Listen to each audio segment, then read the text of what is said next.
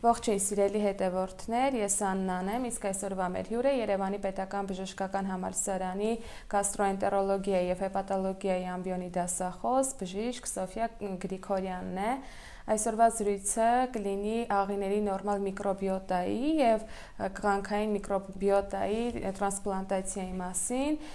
Վերջին նշածս գիտության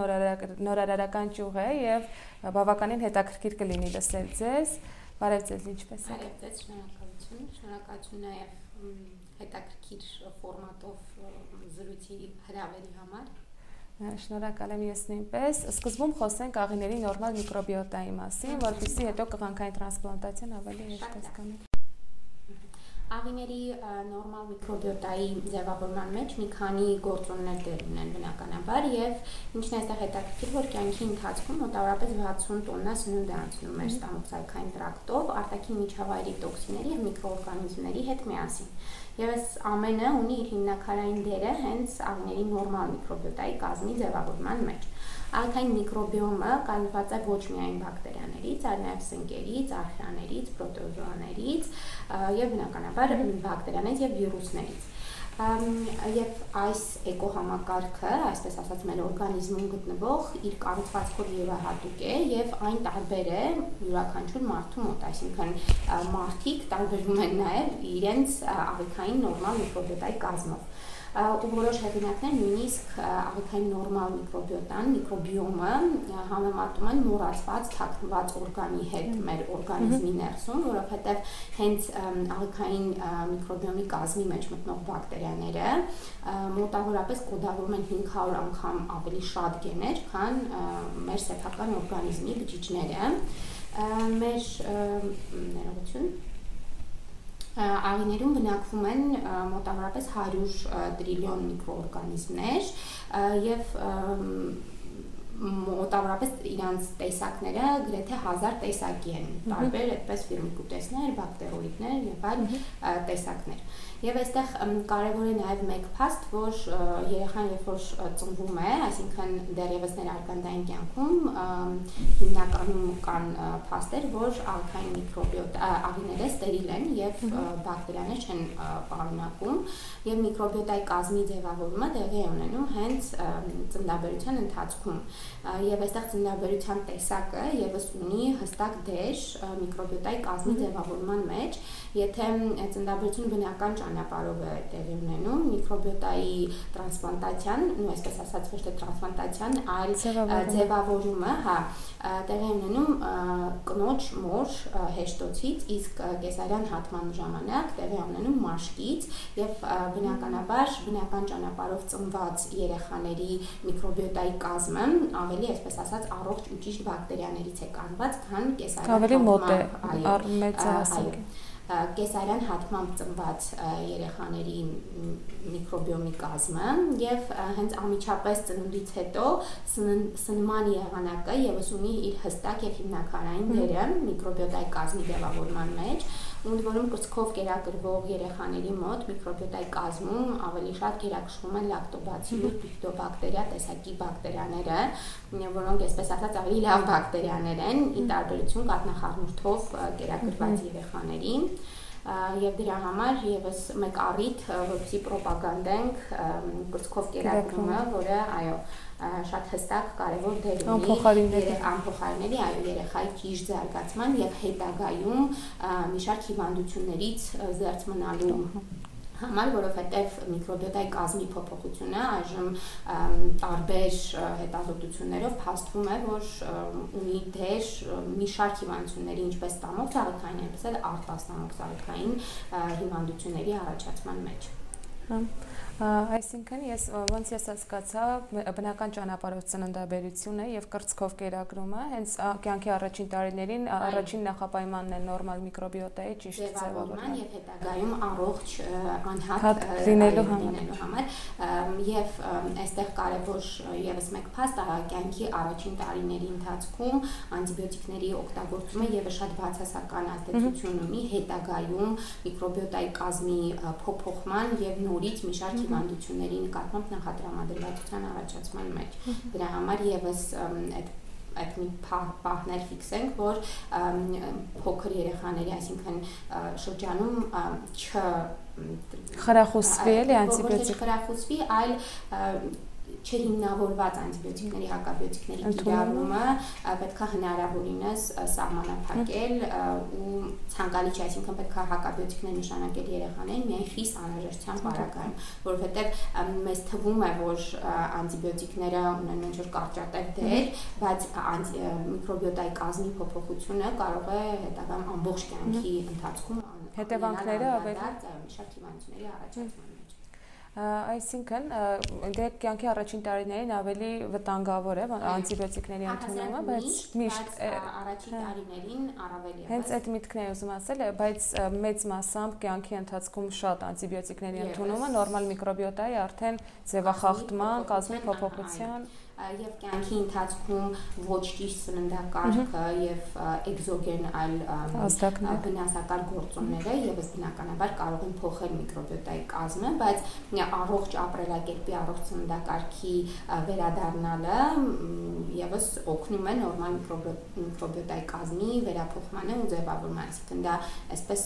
հավասարչության մեջ է գտնվում, եթե վատ սնունդ են օգտագործում միկրոբիոտայի կազմը փոփոխվում է, առողջ սննդակարգի վերադառնալիս նորից սկսում են ավելի ճիշտ բակտերիաների աճ ընտանել հենց միկրոբիոտայի նորմալ միկրոբիոտայի փոփոխությունն է, չէ՞, պատճառ հանդիսանում կղանքային միկրոբիոտայի տրանսպլանտացիային այստեղ քանի որ միկրոբիոտայի փոփոխությունը ունի հստակ դեր մի շարք հիվանդությունների առաջացման մեջ, բնականաբար արդեն միտք է առաջացել առողջ դոնորներից վերցնել կրանքային մասսա, որը պարունակում է առողջ ճիշտ միկրոբիոտայի կազմ եւ փոխպատվաստել հիվանդ պացիենտներին եւ պետք է նշեմ, որ Clostridium difficile ինֆեկցիան, որը որ բավականին լայն տարածում ունի, բուժման համար կիրառվում է հակաբիոտիկային թերապիա բնականաբար որպես առաջին գծի թերապիա, բայց կրկնվող ռեկուրենտ տեսակների դեպքում, երբ արդեն հակաբիոտիկային թերապիան լինում է ոչ արդյունավետ, կրանքային միկրոբիոտայի տրանսպլանտացիան ընտրության բավականին լավ մեթոդ է համարվում եւ նույնիսկ ընդգրկված է Clostridium difficile ռեկուրենտ տեսակների բուժման ուղեցույցի եւ ամերիկյան եւ եվրոպական ուղեցույցերի մեջ, այսինքն որպես տվյալ ինֆեկցիայի բուժման մեթոդ այժմ ուղեցույցերում ներառված կիրառվում է քանքային միկրոբիոտայի տրանսպլանտացիան դեռևս միայն այս պարագայում է, որ այս մեթոդը ներառված է ուղեցույց։ Այսինքն այն առողջ անհատները, ումից որ վերցվում է նմուշը, դոնոր են հանդիսանում, իրենց մոտ որոշակի ժամանակ ինչ որ հսկողություն լինում է, չէ՞, սննդի օգտագործած սննդի հետ կապված։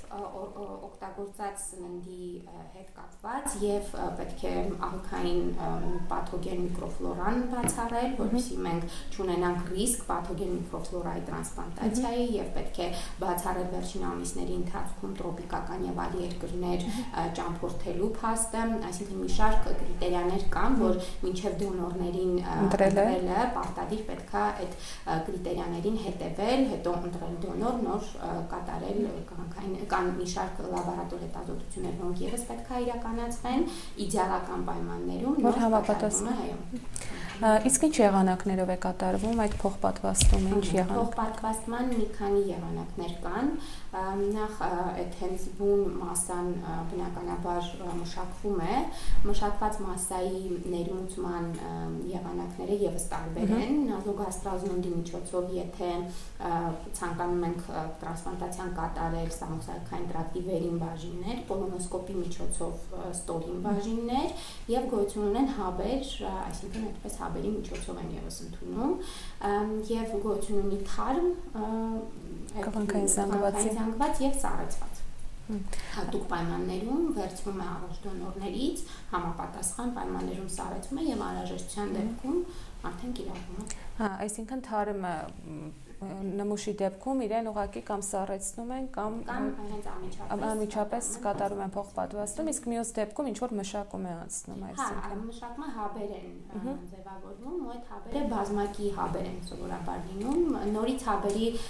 քանակը շատ է հաբերի եւ այսպես հոգեբանորեն միգուցե պացիենտների համար դժվար է այդ հաբերը կուլ տալ, նույնիսկ նորից գոյություն ունի ներմուծման կոլոնոսկոպիկ եղանակ, այսինքն այդ քաղաքային միկրոբիոտա պարունակող խաբերը կոլոնոսկոպի միջոցով են ներմուծվում ստամոքսային տրակտ Իսկ արդյունավետության մասին ինչ կասեք։ Օրինակ, քանի անգամ պետք է կատարվի այդ փոխպատվաստումը, որպեսզի վերջնական արդյունքը գոհացուցիչ լինի։ Դե ինչպես նշեցի, Clostridium difficile ինֆեկցիայի բուժման մեջ ինքը ունի հստակ արդյունավետություն եւ ռեկուրենտ տեսակների բուժման մեջ արդեն որպես ուղեցույցային ուղեցույցերում ներառված մեթոդ կիրառվում է։ Ինչ վերաբերում է մնացած պաթոլոգիաներին, դեռևս կատարվում են լայն հետալայնածավալ հետազոտություններ եւ կանոն խոցային կոլիտի, կրոնի հիվանդության դեպքում դեռևս կլինիկական պրակտիկան չի օգտագործում, բայց որոշ տվյալներ արդեն հետազոտական խոստումնալից են, որ ապագայում միգուցե ինքը ավելի լայն կիրառում կունենա։ Այսինքն այս մեթոդը վերջին տարիներին է ավելի շատ շատ վերջի տարիներ, հա, վերջի տարիներին Ավելի հիմա, այո, գնալով ավելի կատարելագործում։ Կատարելագործում է ավելի լայնածավալ տարբեր հիվանդությունների բուժման մեջ է փորձում կիրառվել, որովհետև ինչպես ասացի, միկրոբիոտայի կազմի փոփոխությունը կարող է բերել ինչպես ստամոքսարկային, այնպես էլ արտաստամոքսարկային արտաստամոքսարկային օրգանների պաթոլոգիաների։ Նույնիսկ կան հետազոտություններ, որ կանքային միկրոբիոտայի փոխպատվաստումը այսպես կիրառվել է ինչ որ հետազոտական աշխատանքներում աուտիզմով Ինչպես ես հասկացա, ղանքային միկրոբիոտայի տրանսպլանտացիան գիտության նոր եւ զարգացող ճյուղ է եւ դեռ նոր փոփոխություններ կլինեն, նոր հետազոտություններ կլինեն։ Սպասենք նոր հետազոտություններին, զարգացումներին։ Քանի որ նշեցինք արդեն բազմիցս մի շարք հիվանդությունների բուժման մեջ կատարվում են դերևս փոքր, բայց նայնածավալ հետազոտություններ, որոնք փորձում են գնահատել կվանքային միկրոբիոտայի տրանսպլանտացիայի դերը այդ հիվանդությունների բուժման մեջ եւ միգուցե ապագայում այ ունենանք մի շարք պաթոլոգիաների պարագայում բավականին լավ արդյունք եւ այո կիրառվի որպես իջե բուժական եւ ավելի քիչ տրավմատիկ մեթոդ։ Ամեն դեպքում բավականին խոստումնալից է դեռ հիմա, իսկ հետագայում արդեն ավելի հետաքրքիր նյութեր կկարդանք։ Շնորհակալ եմ շատ ձեզ։ Կարծում եմ մեր ուսանողների համար հատկապես բավականին հետաքրքիր էր, հատկապես որ գիտական ուղղվածություն ուներ մեր զրույցը։ Շատ շնորհակալ եմ չափով մենք փորձեցինք այս ավելի քիչ լուսաբանված հա։ թեման լուսաբանել եւ միգուցե լսելի դարձնել առաջանա, լսելի դարձնել եւ մարդիկ իրենց հետաքրքրությունների շրջանակներում փորձեն ինքնուրույն նույնիսկ ինֆորմացվել։ Շնորհակալ եմ շատ։ Հաջողություն։ Հաջողություն։